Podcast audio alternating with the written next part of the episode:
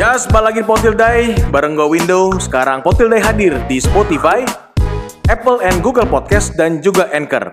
Pada edisi kali ini, gue bakal ngomongin soal basic fotografi bareng seorang fotografer yang handal. Namanya Bro Johan Jayanto. Hai Bro Johan, gimana kabar nih? Hai hai Koindo, baik-baik nih. Baik ya. Udah Baik sehat kan ya, sehat kan ya? Sehat sehat. Sehat, alhamdulillah. Iya dong. Oke lah, kita nih ini loh Jo, para sokap-sokap ini banyak yang eh, suka im, eh, suka ji, apa suka Gmail lagi, suka email juga. Jadi eh, apa eh, selain ngomongin cinta ya, ngomongin kreatifpreneur, nah mereka ini juga ada yang minta soal bahas dong soal fotografi. Nah supaya nggak berat, gimana kalau kita ngomongin yang dasar-dasar aja kali ya Jo ya? Oke, siap siap siap. Nah, basic things soal fotografi, Jo. Itu sebenarnya gini, Bro. Itu dilihat dari mana sih? Maksudnya apakah dari gear-nya dulu, kameranya, atau dari skill-nya, atau dari mana, Bro? Eh, sebenarnya yang paling penting tuh eh, yang pertama kan kita kalau misalkan kita beli kamera, kita harus tahu nih gitu eh, kebutuhan kita nih apa sih eh, akan fotografi ini. Eh, kita mau foto ini foto apa? Kita butuh misalkan eh, gear yang seperti apa gitu loh. Karena eh, mungkin uh, ke depannya gear akan menentukan gitu. Tapi kita harus tahu dulu nih tujuan kita beli kamera ini apa gitu. Ya. Kita mau explore fotografi ini apa gitu. Nah terus setelah kita beli kamera, kita harus tahu dong maksudnya uh, know your camera. Uh, jadi uh, gimana sih kita tuh motonya itu uh, pakai settingnya. Uh, jadi kita beli kamera udah mahal-mahal nih, kan sayang dong kalau misalkan kita pakai mode auto terus gitu misalkan. Ah, gitu oke. sih. Jadi kalau kalau kamera ya, kalau gue lihat dari kamera sebenarnya kamera tuh ada baik macam ya, Bro ya. Ada yang dari tadi ada yang sebenarnya ada yang otomatis gitu ya. Ada yang semi auto, betul. ada yang pro, ada Betul. yang semi pro, ada yang gimana. Itu itu sebenarnya eh, yang paling sebenarnya yang paling gampang untuk dipelajari pakai kamera apa sih, Bro? Eh, sebenarnya kan eh, sekarang ini karena teknologi udah canggih nih, jadi kan Ah, eh, ada yang keluar kamera namanya kamera mirrorless gitulah. Oke. Jadi eh, secara mekaniknya itu dia sudah teknologinya jauh lebih advance gitu. Jadi eh, kita lebih gampang untuk mempelajari kamera gitu, Ah. meskipun dengan mode auto atau mode manual gitu. Oke, oke, oke, oke, oke. Jadi basicnya adalah sebenarnya ada apa ya? Ada ngomong ya, man behind the lens ya. Jadi kita nggak penting kameranya apa, tapi orang yang megangnya ya. Betul, kamera HP pun sekarang kan juga ada kayak mode pro-nya gitu, di mana kita bisa setting eh, kita mau bikin misalkan eh, aperture-nya gimana, shutter-nya gimana, ISO-nya gimana, Ya, gitu. Ya, ya. Kalau lu bedah satu-satu nih, Bro.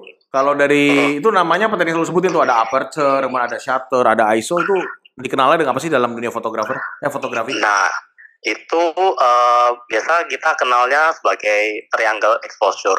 Jadi eh, tri- dalam triangle exposure ini eh, itu ada aperture, shutter, dan ISO gitu.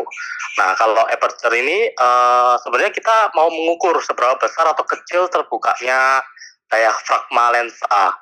Eh, jadi kan kalau lensa itu kita lihat kan ada kayak yang biasa kalau misalnya kita jepret itu ada tekrek gitu. Nah, nah, itu tuh ukurannya itu dia pakai F number namanya. Nah, penjelasannya gimana? Kalau misalkan kita eh, angkanya nih, misalkan kita taunya F-nya makin kecil, misalkan kita kan tahu ada F eh, sebagai contoh ya, ada Ya. F14, Betul. F18 Mhm. gitu, F2,8 gitu. Ya. Nah, kalau F-nya makin kecil, itu eh, lensanya itu makin terbuka lebar gitu. Ah, oke, oke. Nah, ini pengaruhnya ke mana? Ini tuh pengaruhnya tuh untuk kita tuh menciptakan eh, gambar itu terang atau gelap gitu. Jadi kan kalau misalkan lensanya itu makin besar bukaannya, Mhm. berarti kan cahaya yang masuk itu akan semakin banyak. Makin gitu. banyak, betul, betul.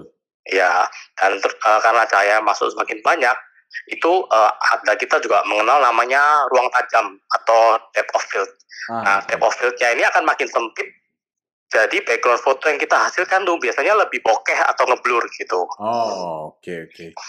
Heeh. Eh, terus satu lagi yang kedua eh, itu ada kita kenal namanya shutter. Nah kalau shutter ini tuh eh, kita bicara terkait eh, ukuran kecepatan buka tutup lensa. Eh, sorry sensor. Jadi namanya sensor ini menerima cahaya. Nah ini tuh diukur dalam detik. Jadi um, biasanya kita mengatur shutter ini untuk menciptakan ambience gitu. Misalkan kita ambil contoh, misalkan kita mau foto uh, laut gitu ya. Kalau misalkan kita setting shutternya ini detiknya semakin lambat, yes, gitu, maka uh, nanti akan menciptakan ambience gerakan airnya itu jadi lembut atau smooth gitu. Oh, oke okay, oke okay, oke okay, oke. Okay. Nah, kalau kita uh, men-settingnya itu makin cepat gitu. Misalkan kita mau foto orang lari atau mau foto um, orang konser, orang konser kali, gitu. orang konser bisa nggak? Oh bisa, bisa kan orang oh. konser kan aktif gitu kan. Yes, nah, yes. Kita harus setting shutternya itu agak tinggi gitu. Oh, oke, okay, oke, okay, oke. Okay. Karena uh, kita mau memfreeze dia, membekukan dia supaya fotonya itu nggak ada gerakan gitu, gerakan tangan. Yes, yes kecuali lain cerita kalau misalkan kita mau menciptakan uh, on purpose ya kita mau menciptakan lampunya agak uh, bergerak-bergerak gitu oke okay. agak nah itu beda cerita gitu bro sebelum lanjut ke yang ke poin ketiga aku mau nanya nih kalau kita shutter gitu ya uh, itu kalau nggak salah uh, itu kan hmm, kita kalau nahan detikan itu kalau pakai tangan kan suka geter tuh bro Bener nggak ya? Betul. Nah, betul, itu biasanya betul. kita bisa minta pakai bantuan alat bantu kayak tripod gitu ya atau apa? Atau tuh gimana, Bro? Ada ada pandangan nggak? Oh betul betul. Nah, kita tuh bisa pakai tripod untuk uh, kalau misalnya kita mau foto yang agak lama. Kalau misalnya kita lihat fotografer yang moto pemandangan atau landscape gitu, yes, yes. nah dia tuh biasanya pakai tripod tuh, motonya nggak oh, mungkin dia okay. handheld gitu, karena uh, pasti akan gerak. Nah gerakan tangan kita tuh akan membuat satu foto itu blur gitu. Iya benar benar. Jadi memang kita harus pakai uh, tripod sih, bro, yes, uh, yes, supaya uh, kita bisa dapat apa yang kita mau nih gitu. Ya, tapi kalau uh, kan kalau sebenarnya kalau kalau tips and triknya gimana sih bro? Gini gini, kalau lu orang pakai tripod gitu ya, lu kemudian ada kameranya, itu biasanya didetikin supaya uh, kameranya lebih steady. Biasanya kalau kita habis pencet uh, tombolnya kan kadang-kadang suka suka gerak tuh. Atau memang nggak oh. usah ditimerin atau atau atau gimana sih bro? Oh, kalau kalau gua sih gua akan timerin gitu. Misalkan kita pencet nih, tapi kita udah setting dulu nih. Uh, dia akan mulai jepret uh, dua detik atau lima detik atau sepuluh detik gitu. Ya. Setelah kita mencet gitu. Jadi uh, setelah kita mencet itu kameranya nggak gerak duluan gitu. Yes, yes, yes, yes. Jadi kita pakai timer nih, kita pakai timer mundur. Jadi uh, misalkan dua detik nih kita setting gitu. Jadi ya nanti setelah hitungan kedua detik kameranya baru mulai cepet gitu. Dan itu nahan sampai misalkan kita mau shutternya berapa detik gitu. Oke okay, oke. Okay. Ah, ini menarik ya bro ya, maksudnya tentang shutter ini memang mm, apa untuk khususnya kalau kita ngambil soal ah, pemandangan itu sangat berguna ya. Kalau kayak betul, matahari betul. terbit gitu, kalau kayak di gunung-gunung gitu ya, Gunung Bromo ya itu ajib juga ya. Betul, itu untuk bikin foto kita tuh jadi kelihatan berbeda gitu. Yes, yes. Uh, point of interestnya jadi orang lihat foto kita tuh oh nggak biasa-biasa aja nih gitu. Oh ini ada teknik pengambilan khusus gitu. Jadi orang kan uh, kalau misalnya kita buka Instagram orang pakai pasti akan nge-like gitu Iya iya benar. Nah gitu. tapi uh, kalau yang tadi kalau soal shutter paham lah ya maksudnya tentang uh, bagaimana uh. kita mengatur uh, apa itu kecepatan uh, detik kita untuk mengambil gambar dan semuanya ya. Jadi tergantung dari pada ambience gitu ya. Kalau uh. tadi kalau gue boleh recall yang ke belakang aperture yang kita soal uh. kita mau nangkap gambar itu uh, belakangnya jadi backgroundnya menjadi bokeh atau blur. Selain uh, aperture tadi sebenarnya ada uh, faktoran nggak kayak misalnya gue mesti pakai lensa yang yang seperti apa gitu supaya lebih maksimal. Sebenarnya lensa kit juga yang yang body kit juga bisa. Cuman menurut gue agak nggak begitu setajam kalau kita ganti lensa gitu ya bro ya. Oh betul, biasanya kalau misalkan lensa zoom, uh, kan ada dua jenis lensa nih. Uh, ada yang lensa itu ya. bisa di zoom, di zoom in, zoom out, atau kita tuh lensanya fix. Yes. Jadi fixnya itu dia nggak bisa diputar di zoom in, zoom out. Jadi kita yang menyesuaikan, kita yang maju mundur gitu, okay. fotografernya. Gitu. Okay. Nah biasanya uh, untuk menciptakan yang uh, gambar dengan aperture yang rendah gitu. Uh, biasanya lensa dengan aperture rendah itu banyak di achieve uh, oleh lensa fix gitu. Jadi misalkan lensa uh, berapa mili uh, jaraknya terus kemudian uh, dengan f berapa. Nah f rendahnya mungkin ada yang satu empat satu empat atau satu delapan gitu. Kalau lensa zoom rata-rata uh, dia baru mulai diangkat 3,5 Ya, ya. sampai ke atas gitu. Tapi tergantung range juga gitu. Tiap lensa beda-beda, tapi ya um, lebih bagus kalau misalkan lensa itu fix. Oh, oke oke Gitu. nangkep. Kalau tadi kita udah ada, kalau kita lanjut ya, kalau ada aperture, shutter, satu lagi nih Bob, apa nih bro, yang termasuk triangle exposure ini? Nah, satu lagi nih kita nyebutnya ISO. Nah, jadi ISO ini eh, ukuran tingkat sensitivitas sensor Mm-mm. kamera terhadap cahaya. Jadi eh, gampangnya gini, makin tinggi eh, setting ISO kita, itu sensor kita tuh makin sensitif terhadap cahaya. Tuh, Ah, kita bisa pakai analogi semut nih, Hmm, gitu. hmm, hmm. Jadi misalkan nih kita ngatur ISO itu 100 gitu. Jadi maka ada semut jumlah 100 yang bekerja. Ah, oke. Kalau misalnya kita naikin ISO 200 gitu ya, Ya. berarti ada 200 semut yang bekerja untuk mengambil cahaya dari lensa dan ber- Hello, hello. Wah, ini gangguan teknis, guys. Coba kita lihat dulu ya. tes, Halo, tes, halo. Yes, bro. tes. Eh, sorry, sorry, sorry. Tadi saya mana? Sampai yang itu loh, yang sampai 100 semut yang bekerja, kalau dia 200, ya berarti ada 200 semut yang bekerja gitu.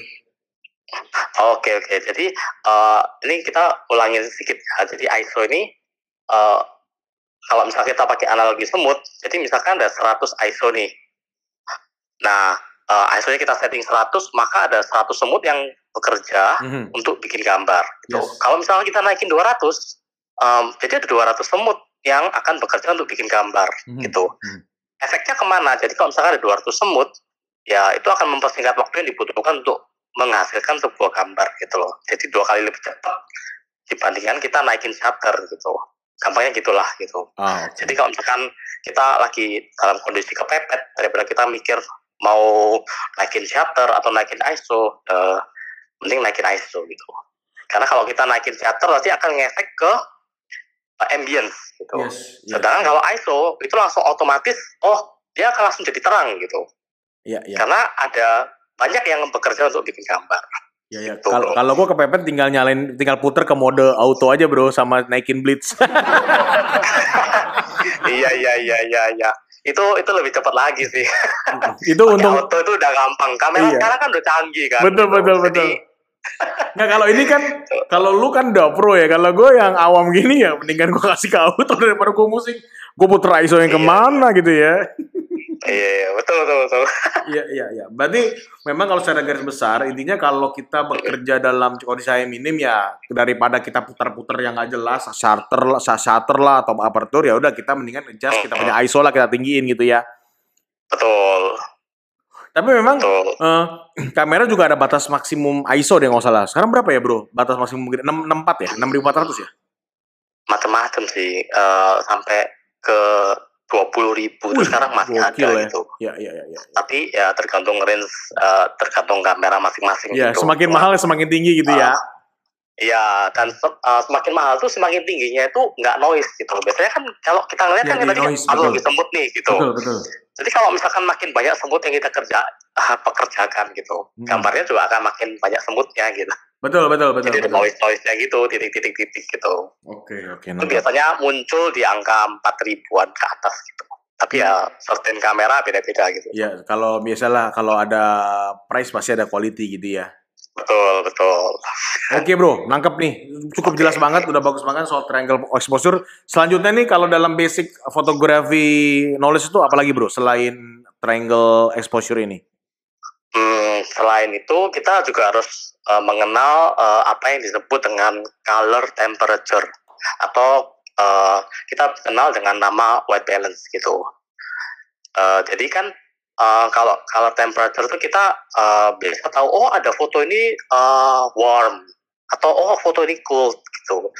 Nah itu tuh kita bisa setting di kamera kita uh, yang namanya white balance itu kita bisa gerakin naik turun tuh gitu. Uh, pada umumnya uh, kalau misalkan kita foto dengan lampu studio gitu itu angkanya di 5500 Kelvin nih bro Ya, Tuh. ya. nah kalau misalkan kita turunkan itu uh, akan membuat ambience-nya jadi warm kalau misalkan kita naikin dari angka 5500 nih ya. itu jadi cold dingin. Jadi kalau warm tuh agak kayak ke hijau-hijauan kuning-kuning gitu. Kalau cold itu tuh dingin kan, berarti kan agak ke biru-biruan gitu fotonya. Iya iya. Jadi nggak balance ya kalau kita salah setting juga ya bro? Betul. Nah ini uh, ini akan jadi challenge kalau misalkan kita foto orang nih. Gitu. Ya. Karena kan kulit orang itu uh, ya kita harus benar-benar uh, adjust white balance ini supaya kulit orang tuh jadi natural gitu. Kalau misalkan terlalu kuning atau terlalu hijau atau terlalu biru kan jadi aneh gitu. Ya, yang menyesuaikan lah ya. Mungkin itu. Betul, betul. Kecuali kita ada konsep uh, mau bikin seperti itu, gitu. Oke, oke. Kalau abis itu bro, abis color temperature, apa lagi nih yang mau kita obrolin? Nah, terus um, sebenarnya uh, ini juga salah satu basic. Jadi ini light Ya. Light itu cahaya. Ya. Nah, sebenarnya kita harus tahu nih tipe-tipe cahaya nih. Uh, yang pertama kita bisa ngelihat dari sumbernya gitu. Uh, ada yang natural light. Natural light itu kan cahaya matahari nih. Itu kan gratis di mana-mana gitu. Nah, sifatnya constant nih. Jadi uh, moto dengan uh, natural light itu paling gampang sebenarnya. Kemudian ada artificial light. Nah, artificial light ini tuh kita uh, cahaya buatan. Jadi um, kita bisa pakai misalkan namanya kalau misalkan kalian pernah dengar ada namanya lampu flash. Ya. Uh, nah itu kita bisa kontrol nih mau oh. seterang apa, ya. mau jaraknya seberapa, atau mau cahaya ini dipantulin atau enggak gitu. Kalau matahari kan kita nggak bisa kontrol nih gitu. Matahari udah di atas itu gitu. Ya, ya betul. Ya, jadi matahari kan uncontrollable. Kalau yang artificial ini controllable. Jadi kita bisa kontrol nih gitu. Nah, satu lagi ada yang mix gitu, jadi dicampur gitu. Kalau uh, nanti kalian sudah belajar lebih dalam, uh, nanti ada yang namanya kayak uh, strobis gitu. Jadi dicampur-campur antara kita pakai matahari sama pakai uh, lampu flash gitu. Ya. Fotonya jadi beda gitu. Tapi ini bro, kalau kita pakai flash yang tadi kita bilang ya, berarti ini harus ada tambahan kali ya, uh, bukannya yang embed yang bawaan ya, karena kan nggak bisa diatur tuh dia. Betul betul. Uh, sebenarnya bisa diatur uh, sebenarnya nggak bisa diatur juga sih. Uh, kita biasanya pakai uh, lampu flashnya itu uh, istilahnya off show gitu. Jadi di luar kamera gitu. Jadi uh, emang secara khusus, nah dari kamera itu nanti ada trigger untuk nembakin flashnya gitu. Yes, yes, yes. yes. Gitu. Okay. Terus kalau misalkan terkait uh, cahaya ini, uh, kita bisa ngelihat dari quality-nya. Jadi quality-nya itu uh, ada hard atau soft atau diffuse gitu. Ya. Nah kalau hard itu kan mungkin kalau uh, gampangnya kita pakai matahari ya gitu. Yes. Kalau misalkan kita foto di jam 12 siang gitu, itu kan terik banget gitu. Pasti cahaya akan hard gitu. Di muka itu uh, akan kelihatan uh, keras banget mataharinya gitu. Tapi kalau misalkan kita mau agak, agak agak soft gitu ya, kita mungkin bisa fotonya agak pagi atau agak sore gitu cahaya mataharinya ada tapi nggak seterang itu karena mungkin ada awan gitu. Yes yes. Ya kalau diffuse itu ya, itu sebenarnya agak rancu sih sama diffuse gitu. Kalau diffuse tuh ada cahaya tapi ditutupin oleh sesuatu jadi uh, terdiffuse gitu apa um, ada mengurangi cahayanya gitu. Oh kehalang ya kehalang gitu ya?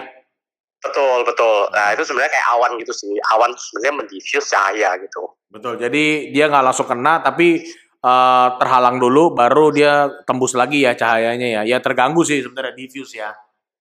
Betul, betul, betul. Terus kita juga kalau misalkan ngomong tadi kan quality gitu. Nah, quantity ini kita juga bisa ukur gitu. Ukurnya dari mana? Dari f-stop tadi atau aperture itu. Jadi kalau misalkan kita mau cahaya semakin banyak, ya kita akan setting aperture-nya semakin kecil gitu. Karena kan makin kecil makin terbuka lebar tuh diafragma lensanya. Ya, ya, oke. Okay. Gitu. Terus arah cahaya, direction, itu kita bisa uh, ada dari depan, ada dari samping, ada dari belakang gitu, front, side, backlight gitu, backlit. Ya, ya, ya, ya, ya. Nah kalau gitu. kalau tadi kita ngomongin color, color temperature and then light gitu ya, itu sebenarnya uh, uh, kita kan menyesuaikan dengan keadaan ya, dengan keadaan sekitar, betul, dengan pencahayaan gitu betul. gitu ya.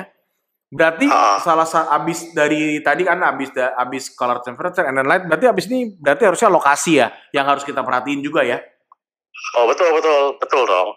Jadi kan kalau lokasi itu uh, kita udah bisa ngeliat nih uh, situasi sekitar gitu. Terus kita mau menetapkan, uh, menentuin, oh kita tuh point of interestnya mana sih gitu. Oh misalkan nih orang gitu. Oh apa ada uh, backgroundnya seperti apa, uh, foregroundnya seperti apa. Nah jadi ada dua nih gitu. Kalau foreground itu kan for itu di depan gitu. Jadi apa yang di depan objek, kalau background apa yang di belakang objek gitu. Jadi kita harus positioning uh, objek kita ini uh, kita mau taruhnya mana nih? Kita mau ngambilnya seperti apa gitu.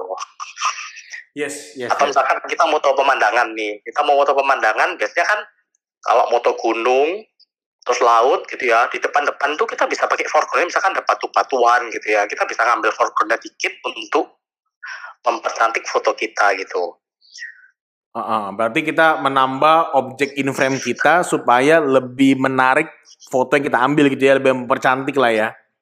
Betul, betul. Ini uh, nanti uh, kalau sudah bahas foreground, background ini nanti kita bisa lompat nih ke komposisi nih. Yes, yes, yes, yes.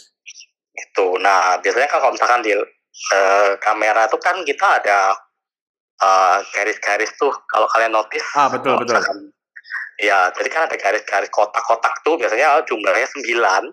Ya.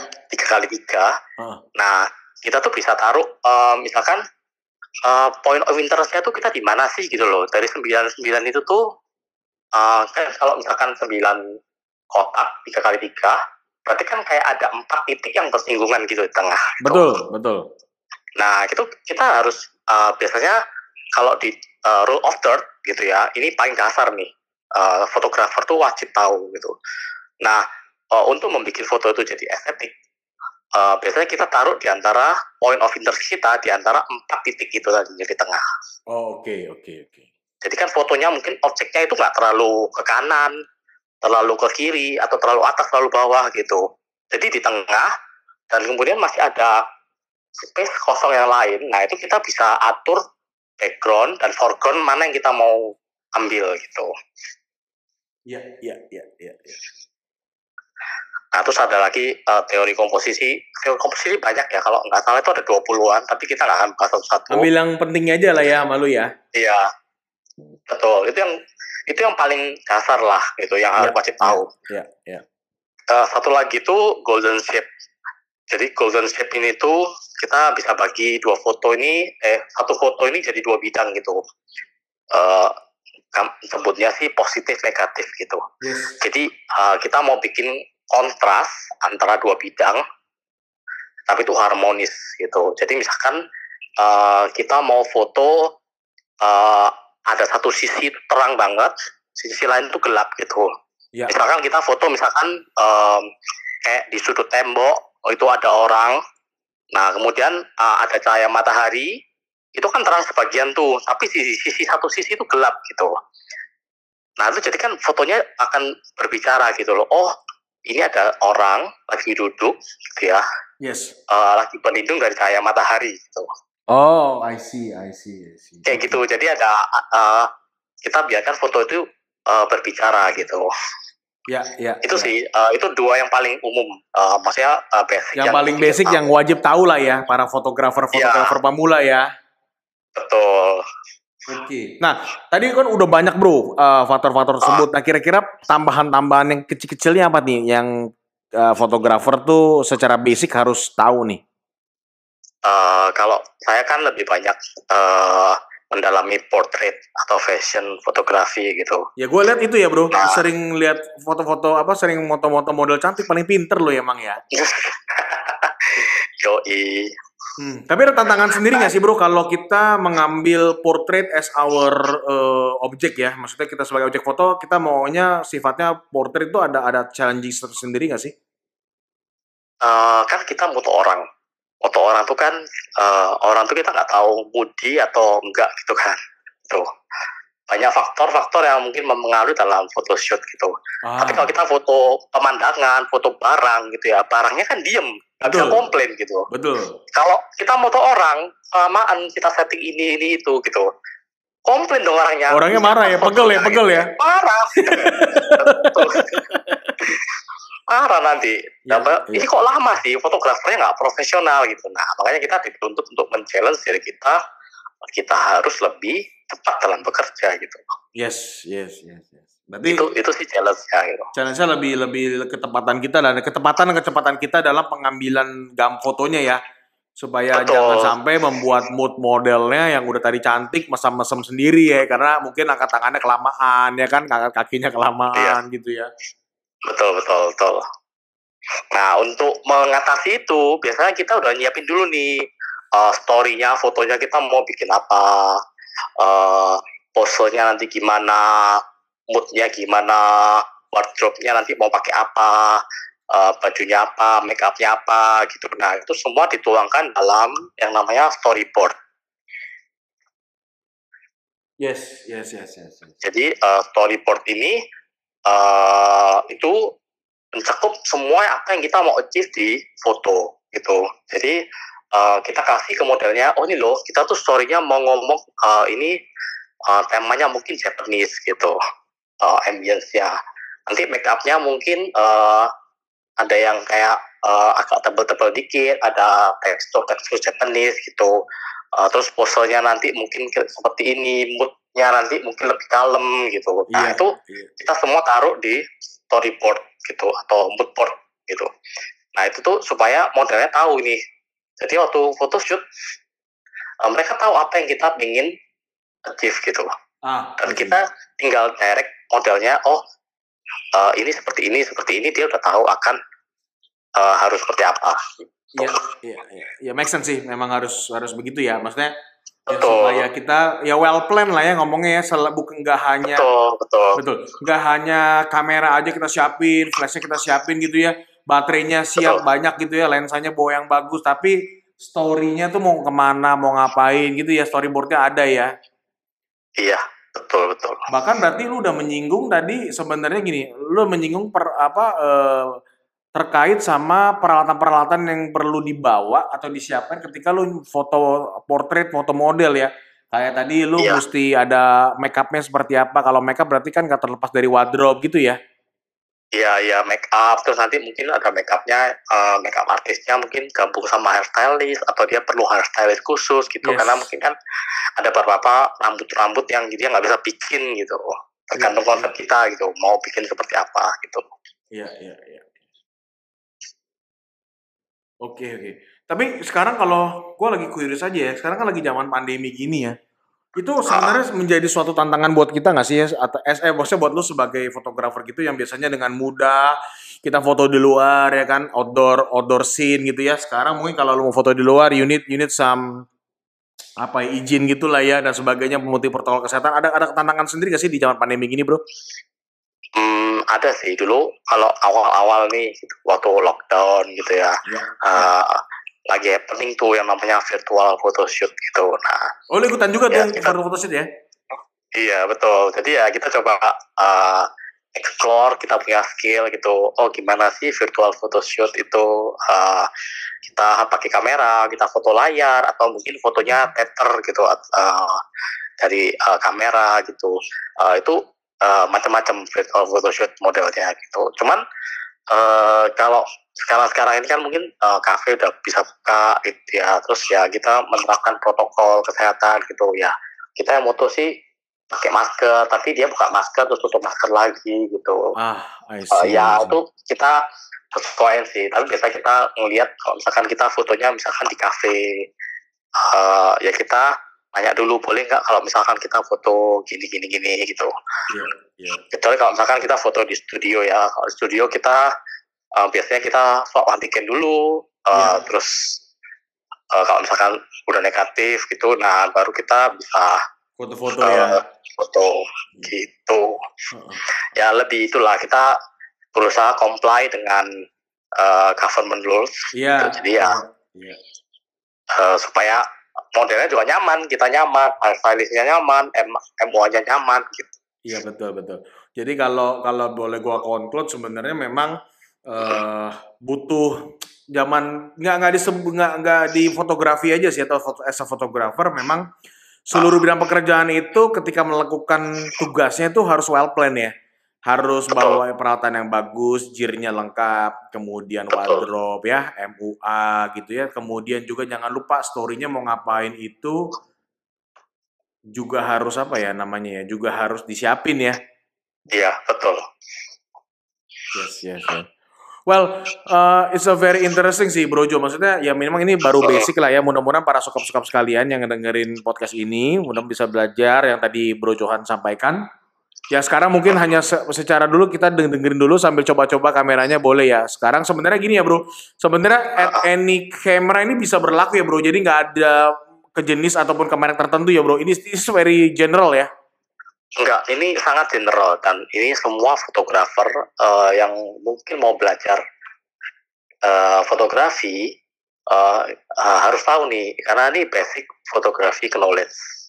Gitu. Wah, mantep nih ya. Mudah-mudahan um, bagi para sokap-sokap yang yang bercita-cita jadi fotografer kayak Brojo ini mudah-mudahan bisa tercapai ya. Tapi ini baru basic. Sebenarnya kalau gue lihat IG story-nya beliau nih, itu nggak pernah belajar kayaknya ribet banget ya bro ya mesti tiap kali ikut webinar ya ikut kelas iya. online supaya menambah kita punya nggak nggak hanya pengetahuan sih tapi skill juga bisa bertambah ya bro betul betul kita uh, intinya praktis sih latihan gitu kalau kita cuma tahu teori tapi nggak pernah latihan ya sama aja gitu karena kan kita melatih mata kita kita melatih otot tangan kita untuk menciptakan foto kan gitu jadi kalau nggak latihan sih ya um, agak susah gitu. Makanya kita di samping kita ikut webinar-webinar gitu, kita nambah ilmu. Oh ternyata ini bisa begini ya gitu. Nah kita harus latihan nih gitu, saling mutu gitu. Yes, yes, yes, yes. Oke, okay, oke. Okay. Yes, oke okay deh para skop-skop sekalian. Mudah-mudahan apa yang sudah di-sharingkan oleh Bro Johan ini bisa menambah pengetahuan kita soal fotografi. Meskipun basic, tapi ingat kita harus belajar dari yang mula dulu ya dari yang awal-awal dulu deh supaya kita bisa menjadi fotografer yang bagus. Thank you banget Bro Johan udah nemenin dan ngobrol bareng soal basic fotografi. Kita akan ketemu di edisi berikutnya. Dan jangan lupa nih buat para pendengar setia Sokap-Sokap Mania Spot Day agar tetap mematuhi dan menjalankan protokol kesehatan, mencuci tangan, memakai masker, menjaga jarak, menjauhi kerumunan dan tentunya membatasi mobilitas. Gua Window dan Bro Johan pamit dan tetap menggaungkan podcast-podcast Indonesia. Bye.